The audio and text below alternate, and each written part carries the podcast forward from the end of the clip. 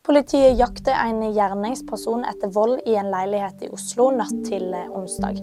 En mann i 40-årene har skader etter en spiss, skarp gjenstand, men skadene skal ikke være livstruende. Hendelsen fremstår som målretta, og politiet jobber nå med å kartlegge relasjonen mellom partene. Elleve døde etter kinesisk gruveulykke. Et steinras var årsaken til ulykka, som skjedde nordøst i Kina. Det melder statlige medier. Søk- og redningsforsøk er avslutta, og en etterforskning av ulykken er igangsatt stjal 10 000 ferske smultringer. Politiet i Australia leter etter ei kvinne som er mistenkt for å stjåle en varebil fra smultringkjeden Crispy Cream i byen Newcastle. Det skriver Seven News.